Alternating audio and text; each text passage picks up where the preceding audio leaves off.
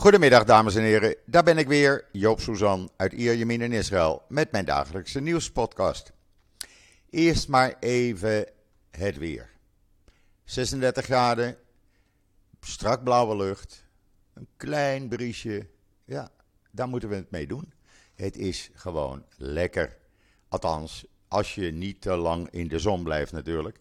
En s'avonds is het gewoon rond de 29 graden om een uur of 10 en dat is heerlijk. En uh, ja, het wordt nog wat warmer. We gaan richting 38 graden de komende dagen. En dat is nou eenmaal uh, normaal voor deze tijd van het jaar. En dan uh, COVID. Ja, moet ik daar nou weer mee zeggen? het R-cijfer, dat is naar beneden gegaan. Dat staat nu op 0,94. 0,94. Betekent dat één persoon minimaal minder dan één persoon besmet raakt. Het moet nog meer zakken. Maar het rare is dat er op maandag werden er 38.456 mensen officieel getest. En daarvan waren 30,4%, oftewel 11.674, eh, besmet met COVID-virus. En dat zijn dus alleen de mensen die naar de officiële testen zijn gegaan. Dat zijn niet de mensen die eh, thuis hun eigen test doen en dat niet melden. Uh, reken maar dat er elke dag zo'n 15.000 tot 18.000 uh, uh, mensen zijn die eh, ja, thuis eh, zich testen en ook besmet zijn. Dus dan kom je gauw rond de 25 tot 29.000 besmettingen per dag. Het aantal uh, viruspatiënten op dit moment in totaal is 66.086. Daarvan zijn er 394 ernstig ziek. Uh, die liggen in de ziekenhuizen. 92 van hen in kritieke toestand, waarvan er 73 zijn aangesloten aan beademingsapparatuur. Het aantal mensen dat door COVID is overleden staat op 11.096. Ja, het blijkt er dus op uh, veel uh, mondkapjes dragen. Steeds meer mensen doen het gelukkig. En uh, ja, maar hopen dat het dan de komende dagen, de komende week, allemaal minder gaat worden. En dan heeft een Israëlisch bedrijf, Neotex uit Regovot, een immuuntherapie uitgevonden die misschien wel de grootste belofte voor de bestrijding van kanker in de 21ste eeuw is. Wat is er namelijk? In plaats van het lichaam te bombarderen met allerlei giftige chemicaliën om kanker uh, te bestrijden, zoals uh, een chemotherapie bijvoorbeeld, gebruikt de immunotherapie van dit bedrijf het immuunsysteem om kwaadaardige tumor te neutraliseren. Dat werkt bij ongeveer 20% van de patiënten met tumoren. Je kan het hele verhaal op Israël Nieuws lezen, want ja, het is wel iets bijzonders en het kan zich uh, gewoon gaan uitbreiden, zodat er meer, uh, uh, zeg maar, systemen worden ontwikkeld tegen kanker. Hoe goed is dat? Ja, en dan gisteravond, het was schrikken voor iedereen op alle tv-zenders, journaals. 9,6% gaat op 1 augustus de elektriciteit omhoog. Dat is behoorlijk. Het betekent de tweede keer dit jaar, want we hadden in februari, als ik het goed heb, was het februari 5,4% dat het omhoog ging, de elektra. Dus we zitten op 15% al dit jaar. En dat heeft allemaal te maken, dankzij meneer Poetin, met zijn gevechten tegen Rusland. Want daardoor zijn uh, ja, de prijs van kolen, dat blijft enorm stijgen. En we hebben zo'n 24% uh, eh, van de elektriciteitscentrale, die werken op kolen, op steenkool. En dat wordt alleen maar duurder, duurder, duurder. Dus ja, het gaat omhoog en dat betekent dat een gemiddeld gezin, uh, ouders en twee kinderen, vier personen, gaat gemiddeld 80 uh, eh, shekel per maand meer betalen. Oftewel 23 euro per maand. En dat juist in de tijd dat iedereen de airconditioning maximaal heeft draaien. Ja, we moeten dan maar zorgen dat we iets anders vinden, dat we het uh, op een andere manier kunnen doen. Maar ook het blijft hier niet bij. Even een slokje water. Want het water zal ook behoorlijk in prijs stijgen. Waarom? Omdat de ontziltingsinstallaties, die gebruiken nu eenmaal enorm veel stroom. Uh, ja, en als, het, uh, als de stroom, uh, elektriciteit omhoog gaat, dan gaat het bij het water ook omhoog. Maar daar zijn we er nog niet, want alles wat bedrijven gebruiken in Israël aan producten, die zullen niet achterblijven en ook die zullen het prijskaartje gaan verhogen. En dan hebben we nog de trein. Dan mogen we overal uh, elektriciteit, uh, elektriciteit uh, aanschaffen. dat treinen elektrisch gaan rijden. Maar ja, die elektra wordt duurder en duurder. Dus een treinkaartje gaat ook omhoog. En dan zou je denken, oké, dan gaat het ministerie doen wat het ook in februari doet, deed. En ze gaan wat subsidie erbij geven, zodat het niet 9,6 wordt, maar bijvoorbeeld 5%. Maar dat kan niet. Want het ministerie, of, uh, het ministerie van Financiën, eigenlijk de regering, is een demissionair regering. Uh, ja, bezig met de verkiezingen. Dat betekent dat ze niets kunnen doen, het ministerie van Financiën. Want dan zou het lijken alsof ze iets doen voor de verkiezingen. En dat mag niet. Heel jammer. Maar ja, het is nu eenmaal zo. En het heeft allemaal te maken met de oorlog in Rusland, Oekraïne. En gisteren was president Herzog met zijn vrouw even één dag naar Tsjechië op officieel staatsbezoek. Ook dat is te lezen met film en foto's in Israël Nieuws. Hij werd uh, enorm uh, vriendelijk ontmoet. ja, nou is die president natuurlijk helemaal gek van Israël. Dus ja, ook de premier is gek van Israël. Dus ik zou zeggen, kijk de, foto, uh, de film even op Israël Nieuws. Dan kan je het allemaal zien. En dan ook op Israël Nieuws de Maccabia. Want 14 juli, komende donderdag, start het zover eindelijk. Ongeveer 10.000 tieners en volwassen atleten uit 65 landen zullen deelnemen aan 3000 evenementen, verdeeld over 42 sporten voor de 21ste Maccabia die van de 14e tot de 28e juli duurt. Uh, dat is om de vier jaar in Israël en het is om de vier jaar in het buitenland. Of in Europa, laat ik het zo zeggen. Met andere woorden, om de twee jaar uh, is er een uh, Maccabia. De ene keer in Europa, de keer daarna in Israël. Nou, op Israël Nieuws kan je 16 belangrijke punten lezen die je eigenlijk nog niet wist over uh, uh, de Maccabia. Dus lees het even.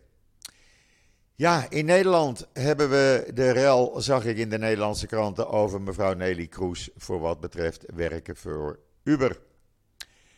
Frankrijk, daar blijkt Macron het te hebben gedaan.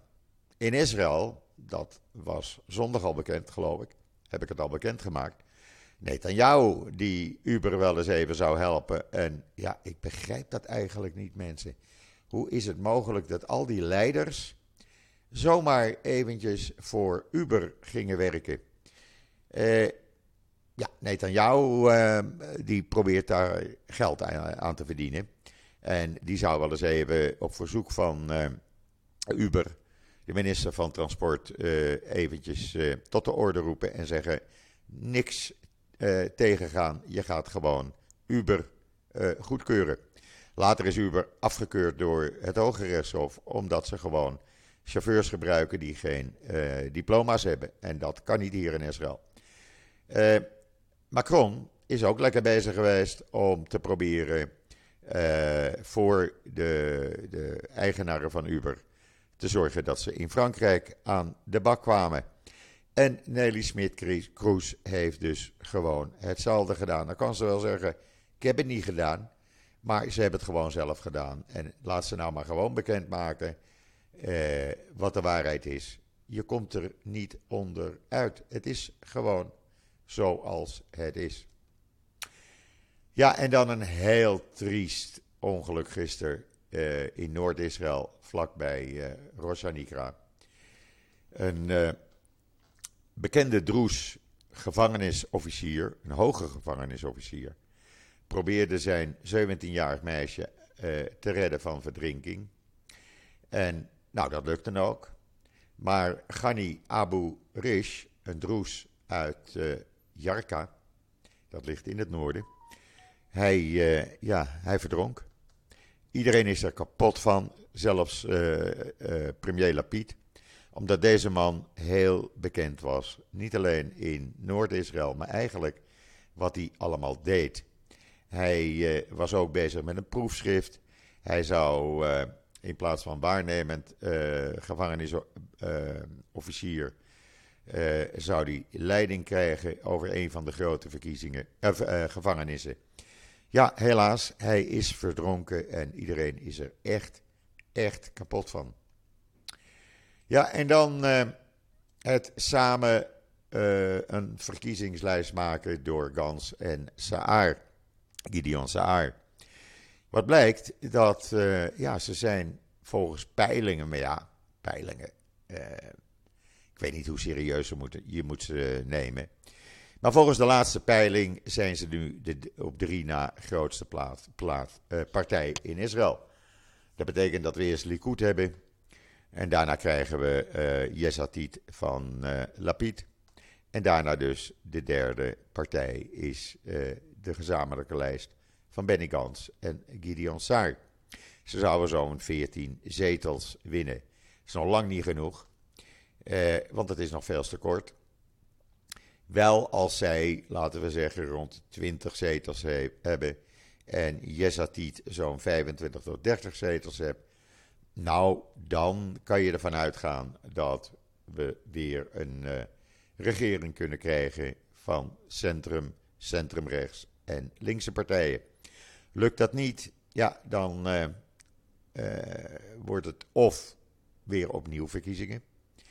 Of het wordt de Likud die misschien gaat winnen als de partij van Bennett aan de kant van de Likud mee gaat doen. Het is een heel zootje. Het gaat niet zo makkelijk, echt niet. Maar goed, we gaan het zien wat het gaat worden. In ieder geval, het rommelt. En we weten nog niet wat die andere partijen allemaal gaan doen. Ja, en dan vandaag uh, trad de kroongetuige weer op in het, uh, de rechtbank in Jeruzalem in het proces tegen Netanyahu. En vandaag wordt ze dan, uh, Hadas Klein, wordt dan ondervraagd door de advocaten van Netanyahu. Gisteren werd zij door de procureur-generaal ja, uh, ondervraagd, laat ik het zo zeggen. En toen zei ze onder andere hoe zij min of meer gedwongen was, of haar baas min of meer gedwongen was, om, haar baas was dus Hollywood-regisseur Milgan, om op verzoek van Netanyahu voor zijn vrouw een diamanten gouden armband van 46.000 dollar ja, echt. 46.000 dollar. Voor Sarah Netanyahu te, komen, te kopen. Want Sarah was anders erg kwaad. En waarom was Sarah kwaad? Ze had al gedreigd met een soort zelfmoord. Want ik pik het niet, het, uh, mijn zwembad in Caesarea bij ons huis. Dat ga ik niet zelf betalen. Dat moet gerenoveerd worden. En dat moet de staat maar doen. Nou, de staat uh, wilde dat niet. Zij dreigde met: dan maak ik een eind aan mijn leven. En toen zei Netanyahu tegen Milgan: laat jouw assistente, Hadas Klein, eh, deze specifieke armband kopen voor Sarah. Dan is ze weer even rustig. Ja, er komt steeds meer boven water en dat kan gewoon niet. Uh, Klein, ik zei het gisteren al, wordt nu uh, ook uh, beschermd door twee veiligheidsagenten omdat aanhangers van Netanyahu bedreigen haar met de dood, bedreigen haar met aanslagen. Een journalist heeft haar, die is ook aanhanger van uh, Netanyahu, fan van Netanyahu, heeft in een van de kranten, Hebreeuwse kranten in Israël, het adres van Hadas Klein bekendgemaakt. Of Netanyahu daarachter zit, niemand die het weet, maar we vermoeden het. In ieder geval, het is een hele toestand geweest. En er komt steeds meer boven water. Netanyahu durft niet eens meer te reageren. Die zou vandaag naar de rechtbank toe gaan.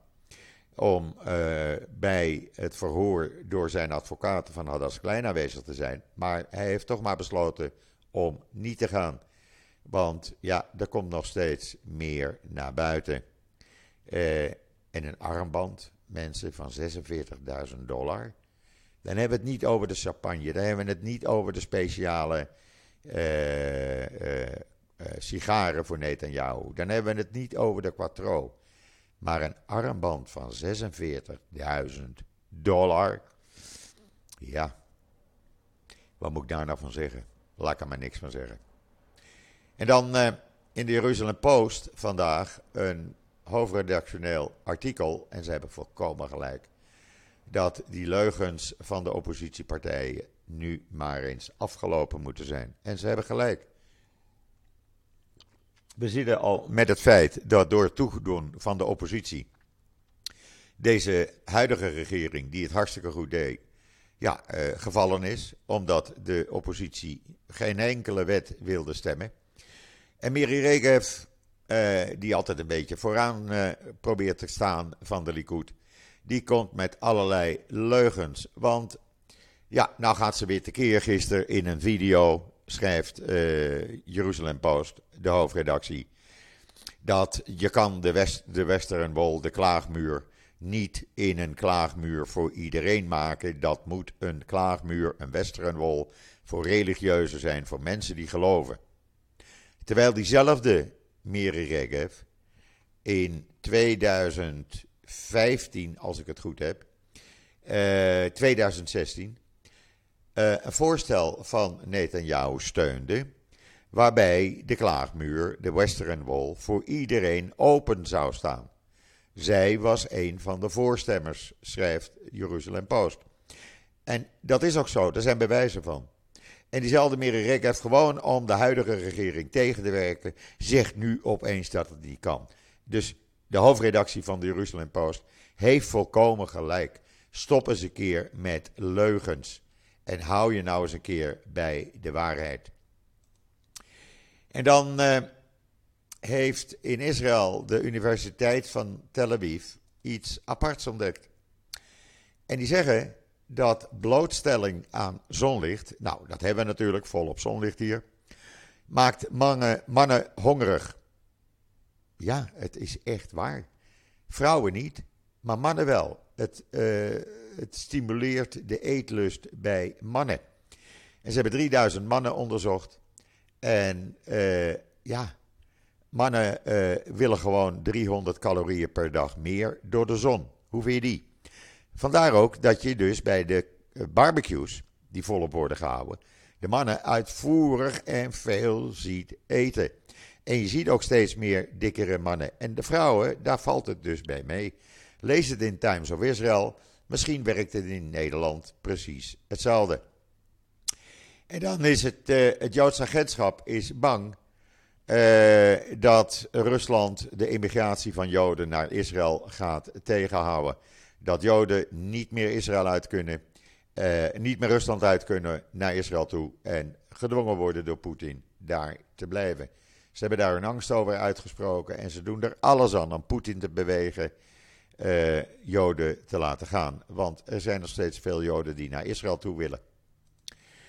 En dan, uh, ja, ik zei het al over coronavirus, dat het nog steeds hoog is, maar er is een andere angst, niet alleen in Israël, maar eigenlijk ook in Amerika en andere landen. Want er is een nieuwe uh, Omicron-variant, de, BA, de BA2.75. Uh, waarschijnlijk, deze variant, daar lijkt het op, uh, maakt dat ja, de, de vaccins niet meer werken en het mensen extra besmettelijk maakt. Het weet niet, men weet nog niet, daar is men nog mee bezig, of het ook mensen ernstig ziek maakt. In ieder geval, wat men wel weet, is dat het niet tegen de huidige eh, vaccins, eh, ja, dat die er niet tegen werken. En dat is al in Amerika. Het schijnt ook in Israël al te zijn. In India is het volop. Ik weet niet of het in Nederland is, maar het zou me niet verbazen. Maar goed, in Nederland, daar meet men altijd één keer in de week of zo, geloof ik, de, het aantal uh, infecties. Ik vind dat het in Nederland ook moet worden gedaan per dag. Dan weet je tenminste waar je naartoe bent. Mijn advies: als je naar winkels gaat, als je ergens in binnenruimte gaat met veel mensen, als je in het openbaar vervoer gaat, doe een mondkapje op. En dan in Israël is bekendgemaakt wie eh, Israël gaat vertegenwoordigen op het Eurovisie Songfestival volgend jaar. En dat wordt popster Noah Kirel. Erg populair hier in Israël. Zij is gekozen. Ze was het er zelf eigenlijk nog niet over eens, want ja, ze is bang dat ze niet wint. En wat doet dat dan met mijn carrière, zegt ze. Maar goed, zij is gekozen en zij gaat binnenkort kiezen welk land, welk liedje zij eh, gaat zingen op het Eurovisie Songfestival. Ik hou jullie op de hoogte. Ja, en dan even over morgen. Ik zei het al, de Maccabia begint uh, komende donderdag in Jeruzalem. Ook Biden is daarbij donderdagavond. Uh, ik niet. Ik heb geen zin om naar die drukte te gaan. Ik kan er naartoe, ik heb accreditatie, maar het is me even te ver en even te druk. En Jeruzalem is afgesloten. Dan kan je weer uh, een uur lopen naar het stadion. Doen we maar even niet. Maar in ieder geval, het Nederlandse team komt eind van de middag in Israël aan. En die gaan in een hotel in uh, Haifa zitten. Haifa is ongeveer een drie kwartier, 50 minuten rijden bij mij vandaan. En ik heb inmiddels een afspraak morgenochtend, als alles klopt, ben ik om 10 uur bij ze, bij het Nederlandse team, in het Garden Hotel aan de zuidelijke rand van Haifa. En ga ik met uh, de teamleider David Bezemer en mogelijk met een aantal uh, sporters praten. Het is het begin van waarschijnlijk meer uh, interviews met Nederlandse sporters. Want zoals ik al zei, ook bij mij op het strand is een heel Olympisch dorp gekomen. En ook daar zijn Nederlandse sporters. Hoe leuk is dat? Ik vind het gewoon leuk, want ik zie natuurlijk oude bekenden die ik jaren niet heb gezien. Maar ik zie ook de kleinkinderen van vrienden van mij uit Nederland. Ja, dat is natuurlijk hartstikke leuk, mensen. Dus ik verheug me erop. Dan maar even morgen naar Gaifa rijden en weer even terugrijden. Eh, maar even een klein uurtje een interview met de Nederlanders. Ja, ik vind dat hartstikke leuk. Dus jullie weten, eh, de podcast komt morgen online. Mogelijk dat die ietsje later is dan twee uur kwart over tweeën. Maar maak je geen zorgen, hij komt online. Rest mij nog iedereen een hele fijne voortzetting van deze dinsdag, de 12e juli, toe te wensen. Ook bij jullie in Nederland is het mooi weer. Geniet ervan. Wij doen dat hier ook. Verbrand niet te veel. Ik ben er morgen weer en zeg zoals altijd: tot ziens. Tot morgen.